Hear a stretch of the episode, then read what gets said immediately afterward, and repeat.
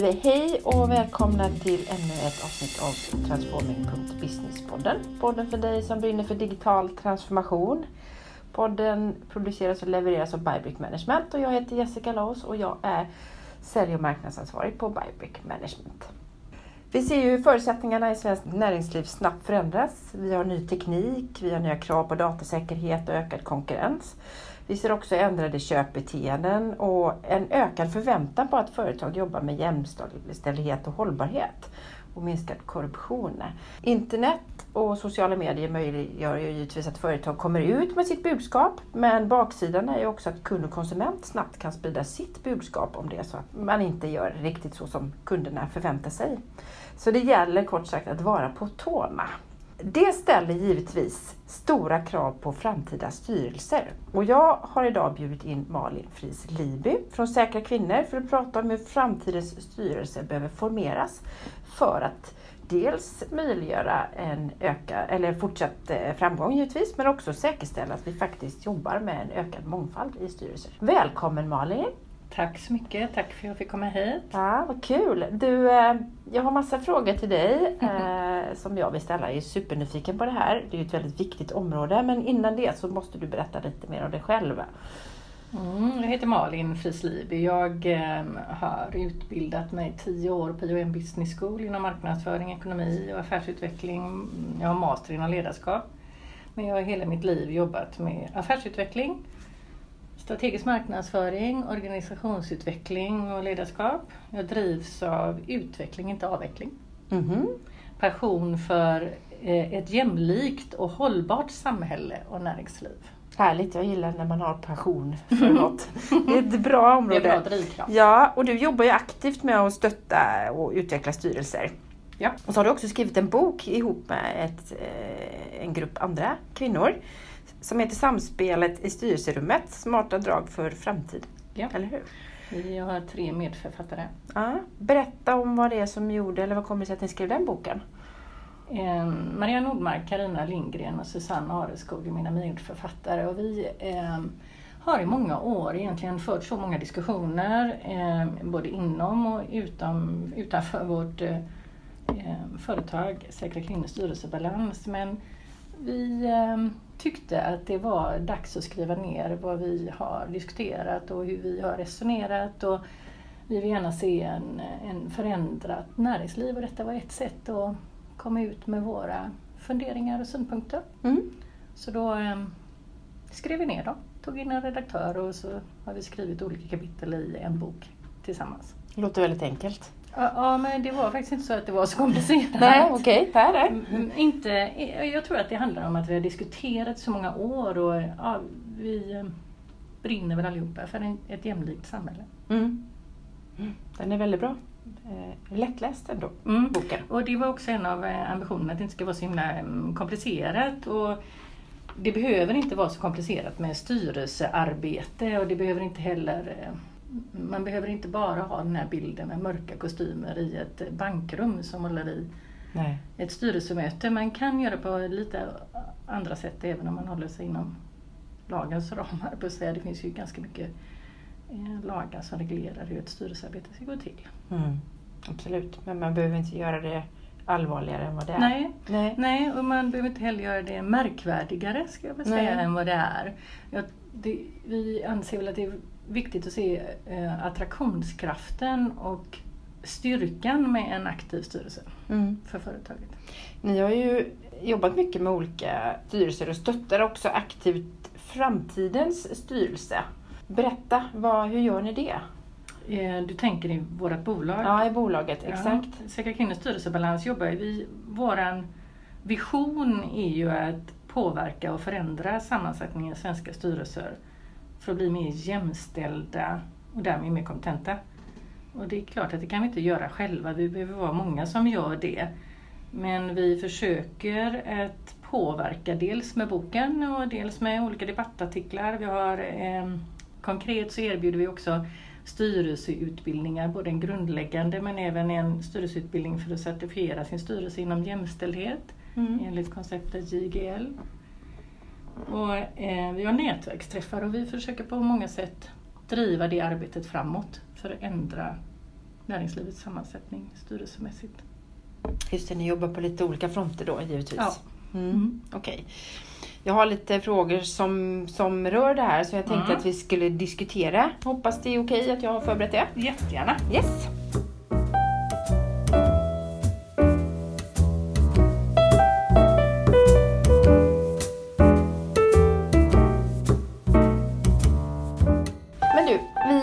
Tycker vi börjar eh, och vi går rakt på sak. Gärna. Hur ser framtidens styrelse ut? Ja, men det är så roligt att prata om framtidens styrelse, för vem kan säga om hur framtiden ser ut?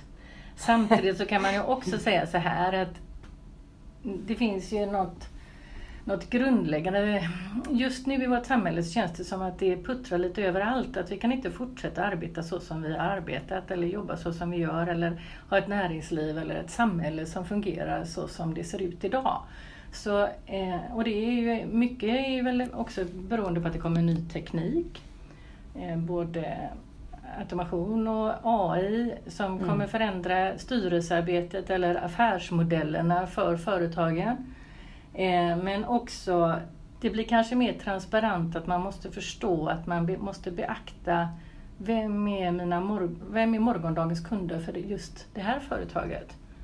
Vilka kompetenser behöver vi då i styrelsen för att få en, ett långsiktigt och ekonomiskt fördelaktigt erbjudande till kunderna?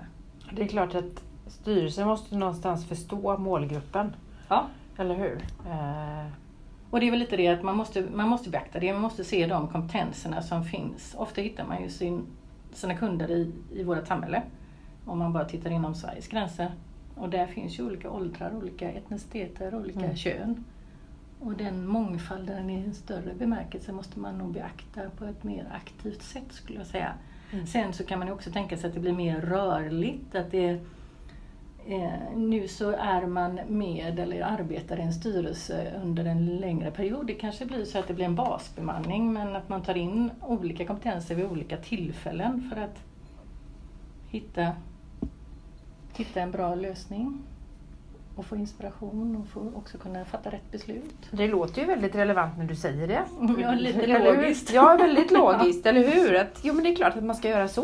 Mm. Istället för att man sitter där och alla har ungefär Ja. mer eller mindre kanske samma kompetens och Mm. man har jobbat ihop i flera år och så blir det inte så mycket mer och sen så kommer den här nya härliga generation Z kallar man väl de här unga som Mm, kommer. exakt. Och som drivs av helt andra saker Mm. än vi. Jag är född Mm. på 70-talet. Jag är, alltså, de har helt andra drivkrafter Mm. än, vad, än vad jag har. Och vi ser också hur köpbeteende och så förändras.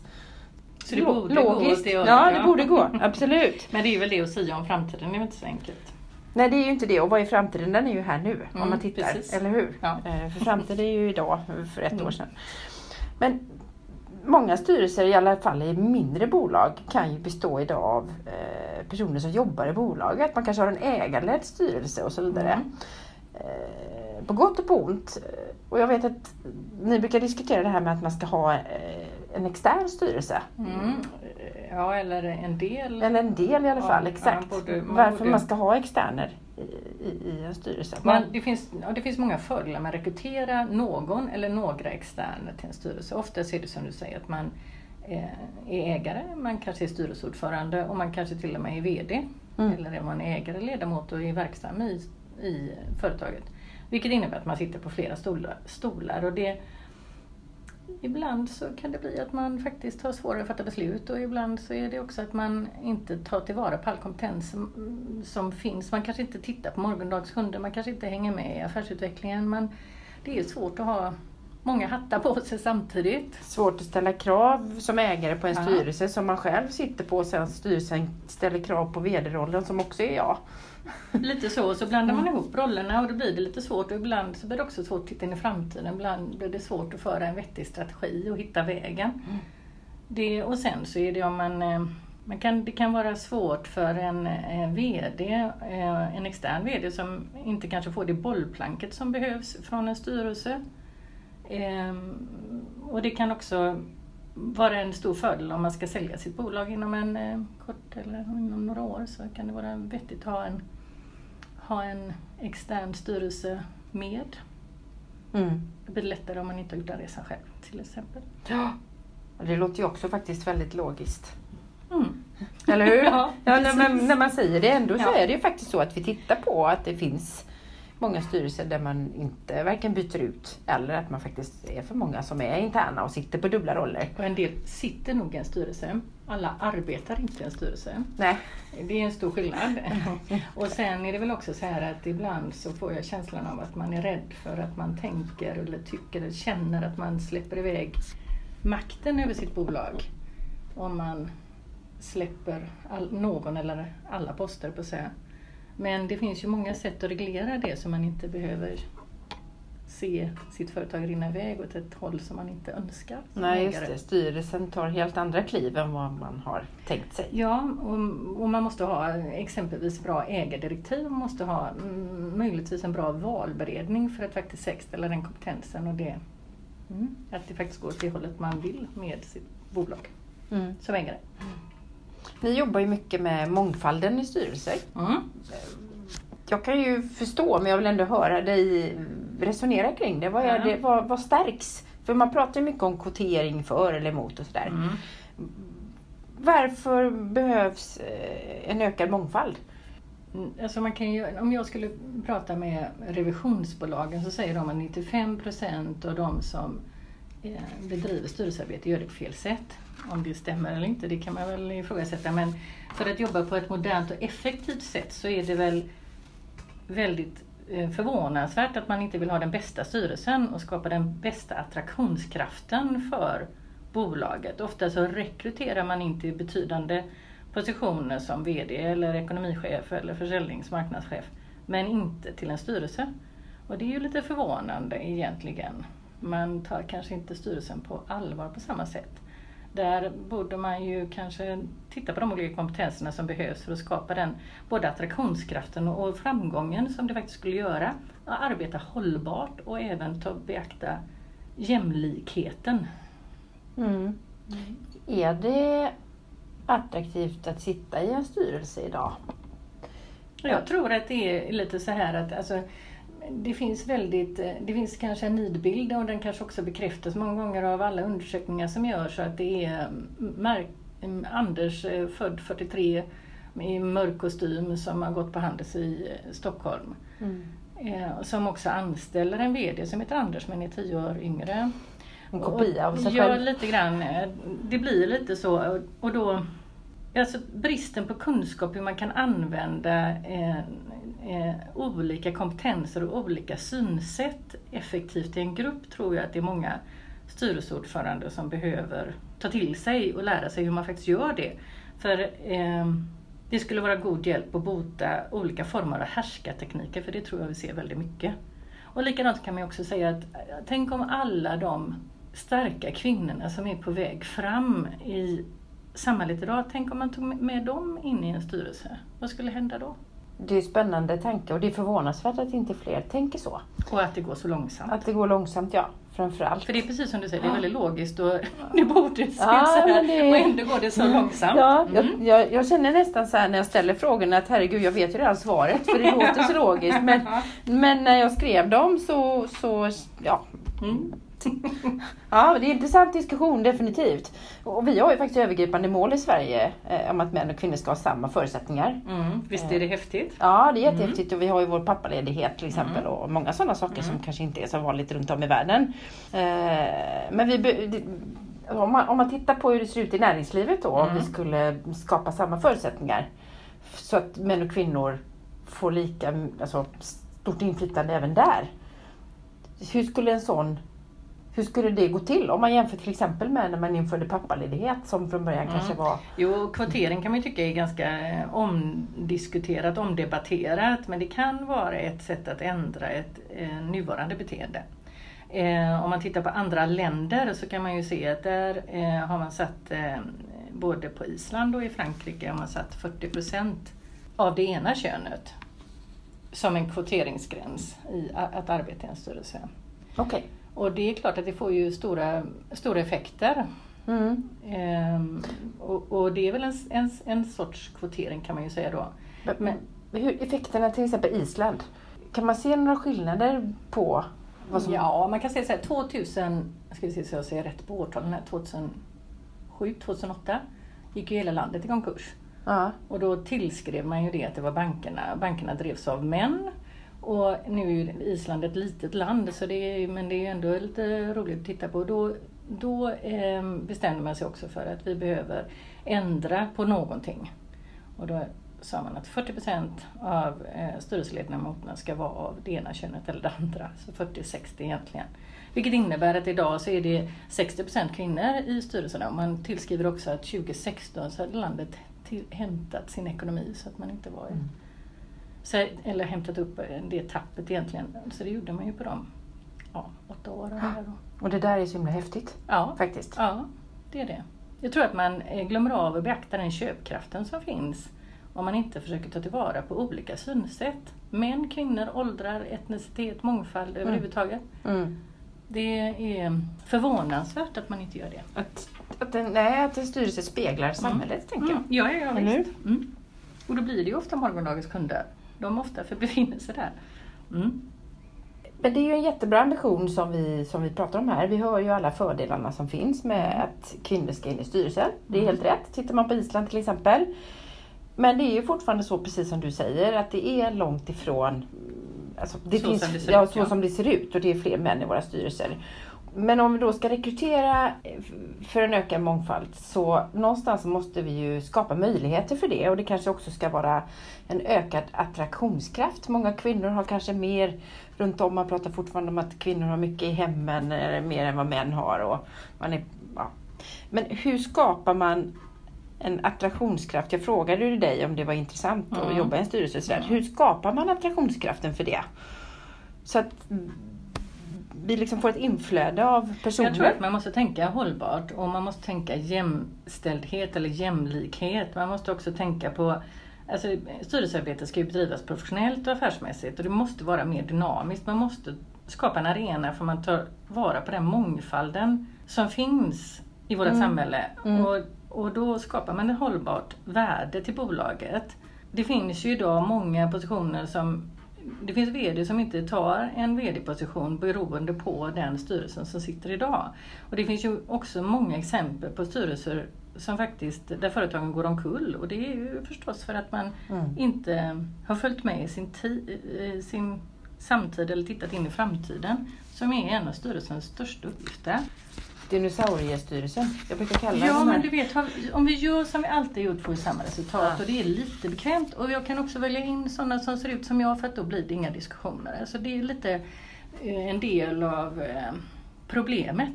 Det är Mm. bekvämt.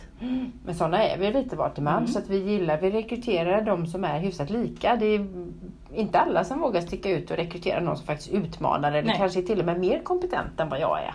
Mm. Eh, Nej, och det är lite läskigt. Mm. Jag tror att man måste beakta att man fått bort prestigen som finns i detta. Mm.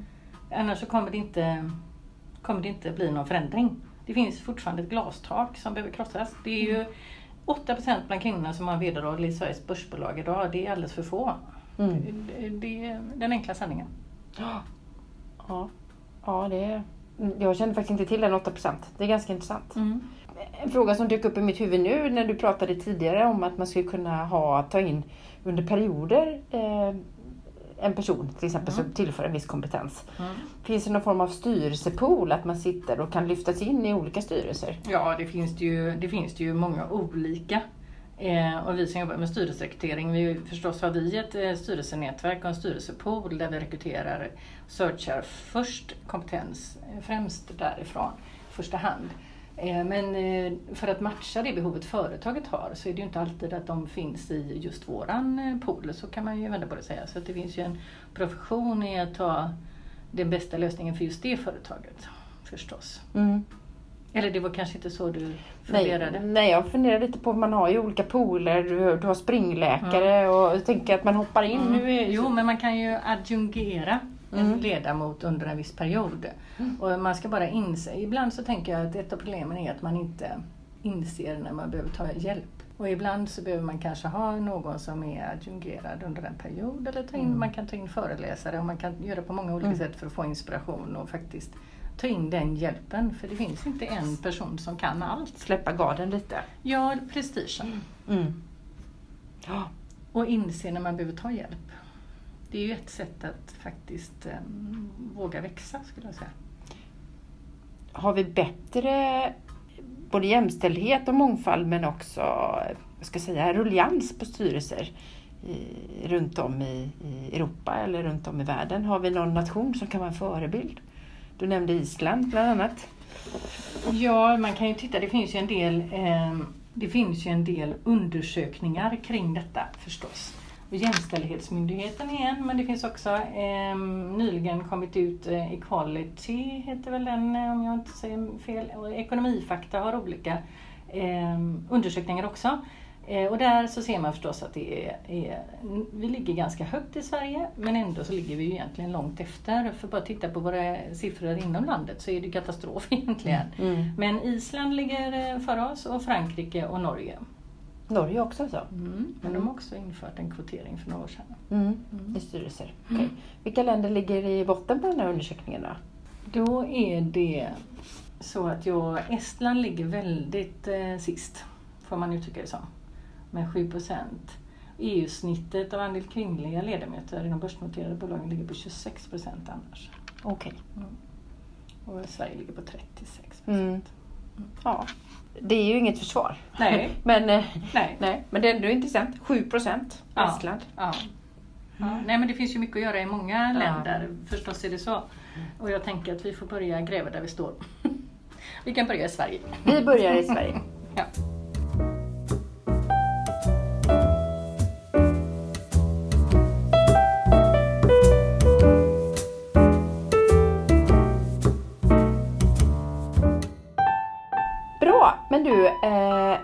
Superspännande. Nu har vi diskuterat hur man ska få in rätt kompetens och vikten av att, ha liksom både jämställdhet och mångfald. Eh, när man väl har sin styrelse på plats då, hur gör man sen för att dra nytta av den samlade kompetensen? Men man kan ju säga så här, alltså det är ju inte, om man nu ska dra nytta av gruppens kompetens, om man nu ska beakta manligt kvinnligt så är det ju inte så att det, en man gör inte en skillnad utan det behöver vara två eller tre och likadant är det med kvinnorna. Att Man, behöver inte, man kan inte ensam påverka av ett kön, det är det jag försöker säga, utan man måste i så fall vara fler. Mm. Så ska man rekrytera in en kvinna i en manlig styrelse så är, rekommenderar vi alltid att man tar in i varje fall två eller till och med tre då. Just Beroende på hur stor styrelsen är. Det är väl det ena. Men sen så gör man ju alltid en utvärdering av hur den styrelsen arbetar. En kartläggning. Hur ser det ut? Hur, hur bedrivs eh, styrelsearbetet här Mm. I denna styrelsen? Och då är det klart att då blir det ju ett gap emellan eh, behovet och den analysen som vi gör oftast. Och då finns det vissa rekommendationer som man kan, eh, vi kommer med för att man ska kunna beakta hur man ska göra imorgon. Mm. Hur man tar in ny kompetens. Hur kunskapsinhämtning för just den styrelsen går till.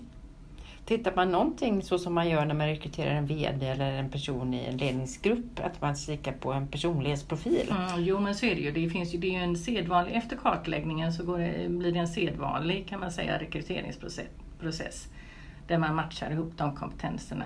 Det handlar ju inte om att det ska vara eh, antingen manligt eller kvinnligt, det handlar om att det ska vara rätt kompetenser. Det som är är väl att som män och kvinnor så kanske vi för fram våra, vi argumenterar och för fram våra budskap på olika sätt. Mm. Och det är väl den speglingen som man oftast hittar bland sina eh, morgondagens kunder och det är väl det som man eh, för, eh, kan tänka sig att man behöver beakta i en styrelsesammansättning för att få rätt kompetenser.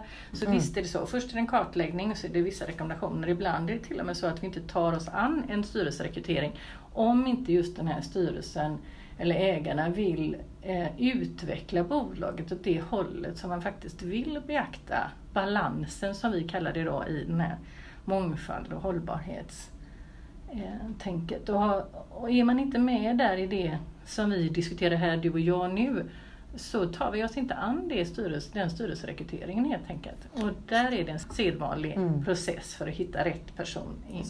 Ja, så att om någon kommer och det sitter sex slipsar Mm. och man vill ha en sjunde slips. Så är inte vi så intresserade av att hjälpa till, eller vi är inte rätt leverantör kan man säga. Nej.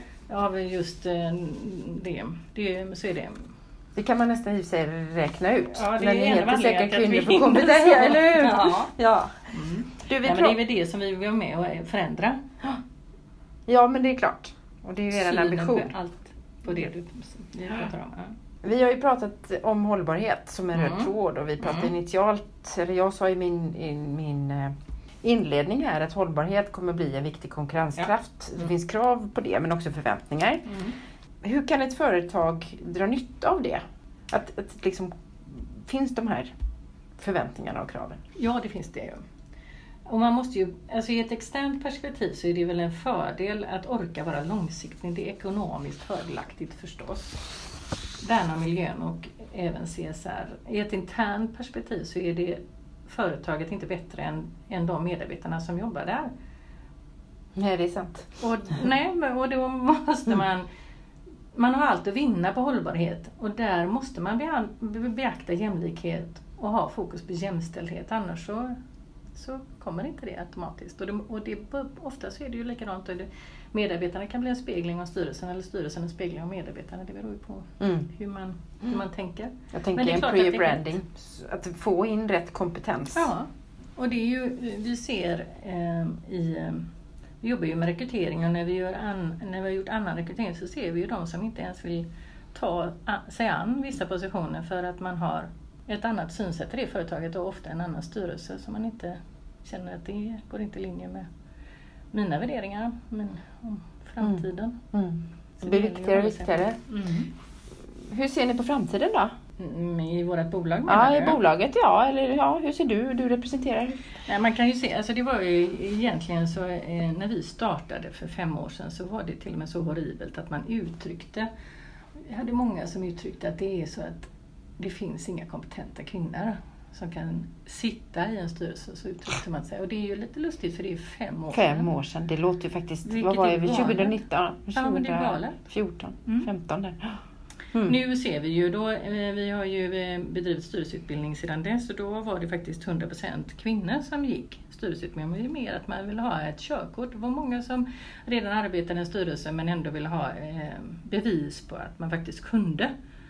Kan man säga. Nu så har vi eh, den senaste utbildningen som vi eh, genomförde då, det är 50-50%, alltså det vill säga 50% kvinnor, 50% män. Så det är mm, långsamt, långsamt går det blir det bättre. Ja, men just den dynamiken tror jag, 50-50, måste ju vara bra. För Ja, det är inte är tanken det att det bara ska vara kvinnor, utan det ska vara en, en kombination så att du får upp du får en, en, en helhetsbild Ja, som är speglar hur samhället ser ut. Nej, men vi ser ljust på framtiden, förstås Mm. gör vi det. Det är klart att metoo har ju också gjort att man kanske inte bemöter oss på samma sätt som man gjorde för fyra år sedan och säger att det inte finns kompetenta kvinnor.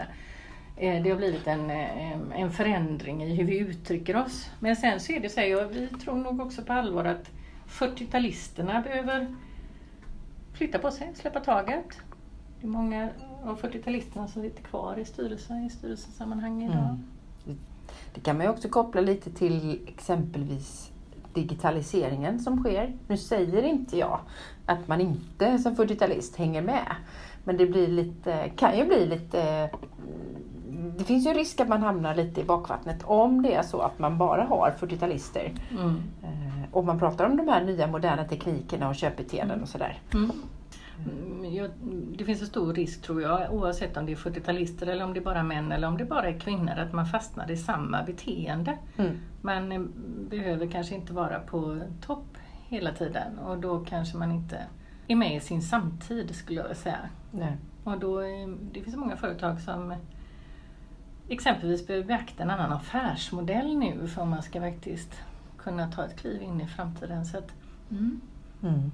Det finns, det finns allt att, att vinna på att vara många olika kompetenser och, och tänka hållbart, så kan man säga. Både, det finns så mycket forskning som visar både på mångfald och hållbarhet. Det är så otroligt Mm.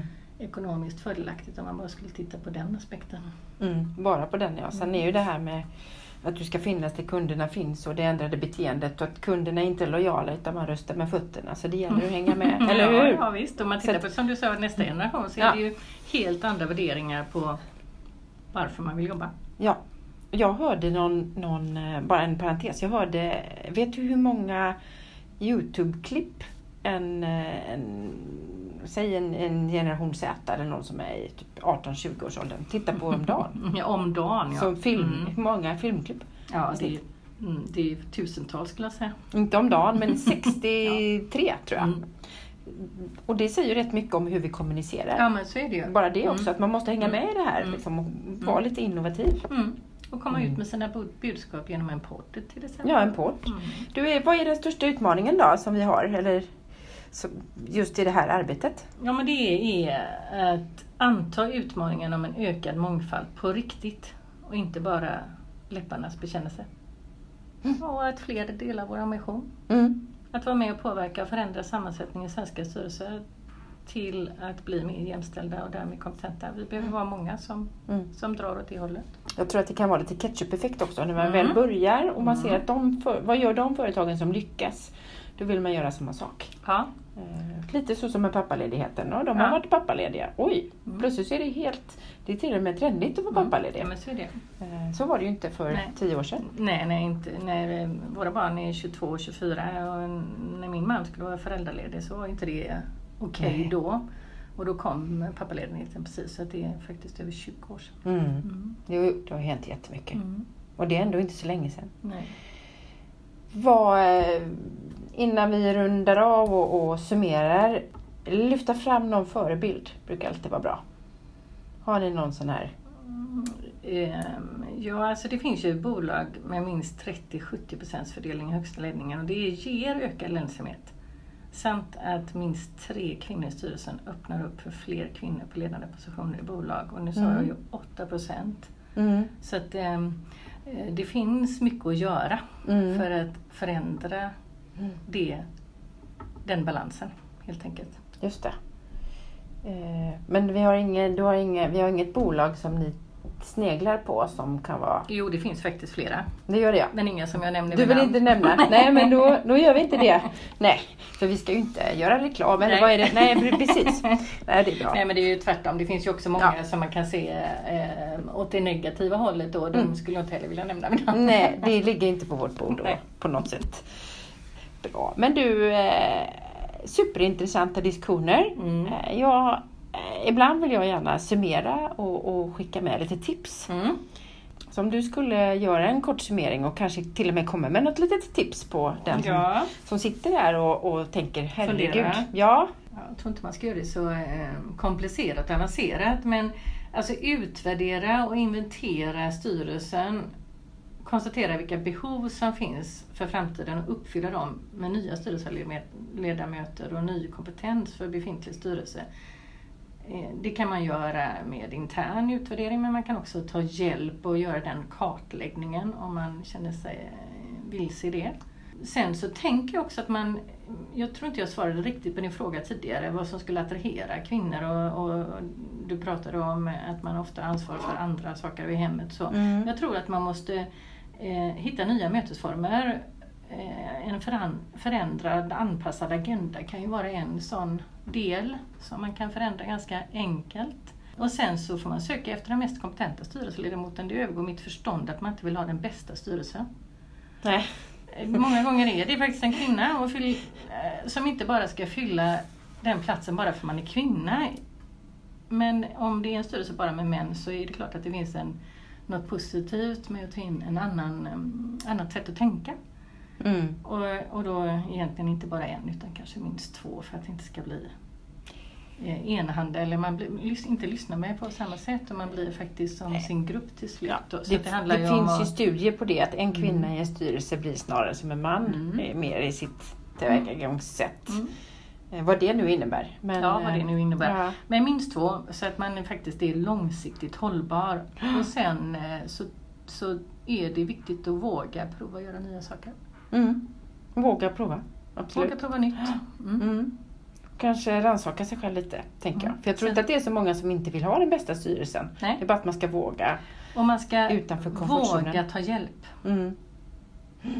Om det är ett bollplank eller om det är en kartläggning eller om det är till och med en rekrytering. Men man ska våga ta hjälp och inse Mm. när man faktiskt behöver det. Nu är ni eh, grymma på det här. Om man skulle vilja bolla med er och få lite hjälp på vägen. Mm. Vad, hur hittar man er? Eller dig? Eh, Vi finns ju i sociala medier förstås med och vi har en hemsida sakrakvinnor.se och man kan alltid mejla och kontakta oss. Vi finns, eh, alla våra kontaktuppgifter finns där. och man är hemskt välkommen. Mm. Vi har ju nu en styrelseutbildning grundläggande som börjar till hösten men också den här eh, jämställdhetsutbildningen för att certifiera sin styrelse i jämställdhet. Då. Just det, en befintlig styrelse. Ja, ja eh, precis. Mm. En befintlig, ehm, eh, det kanske till och med så man går i omgångar eller etapper men ja.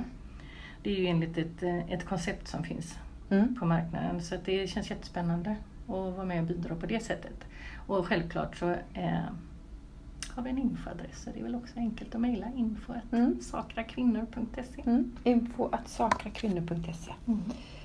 Vad bra. Är det någonting som jag inte hade med i, mina, eh, i mitt frågebatteri som du skulle vilja prata om?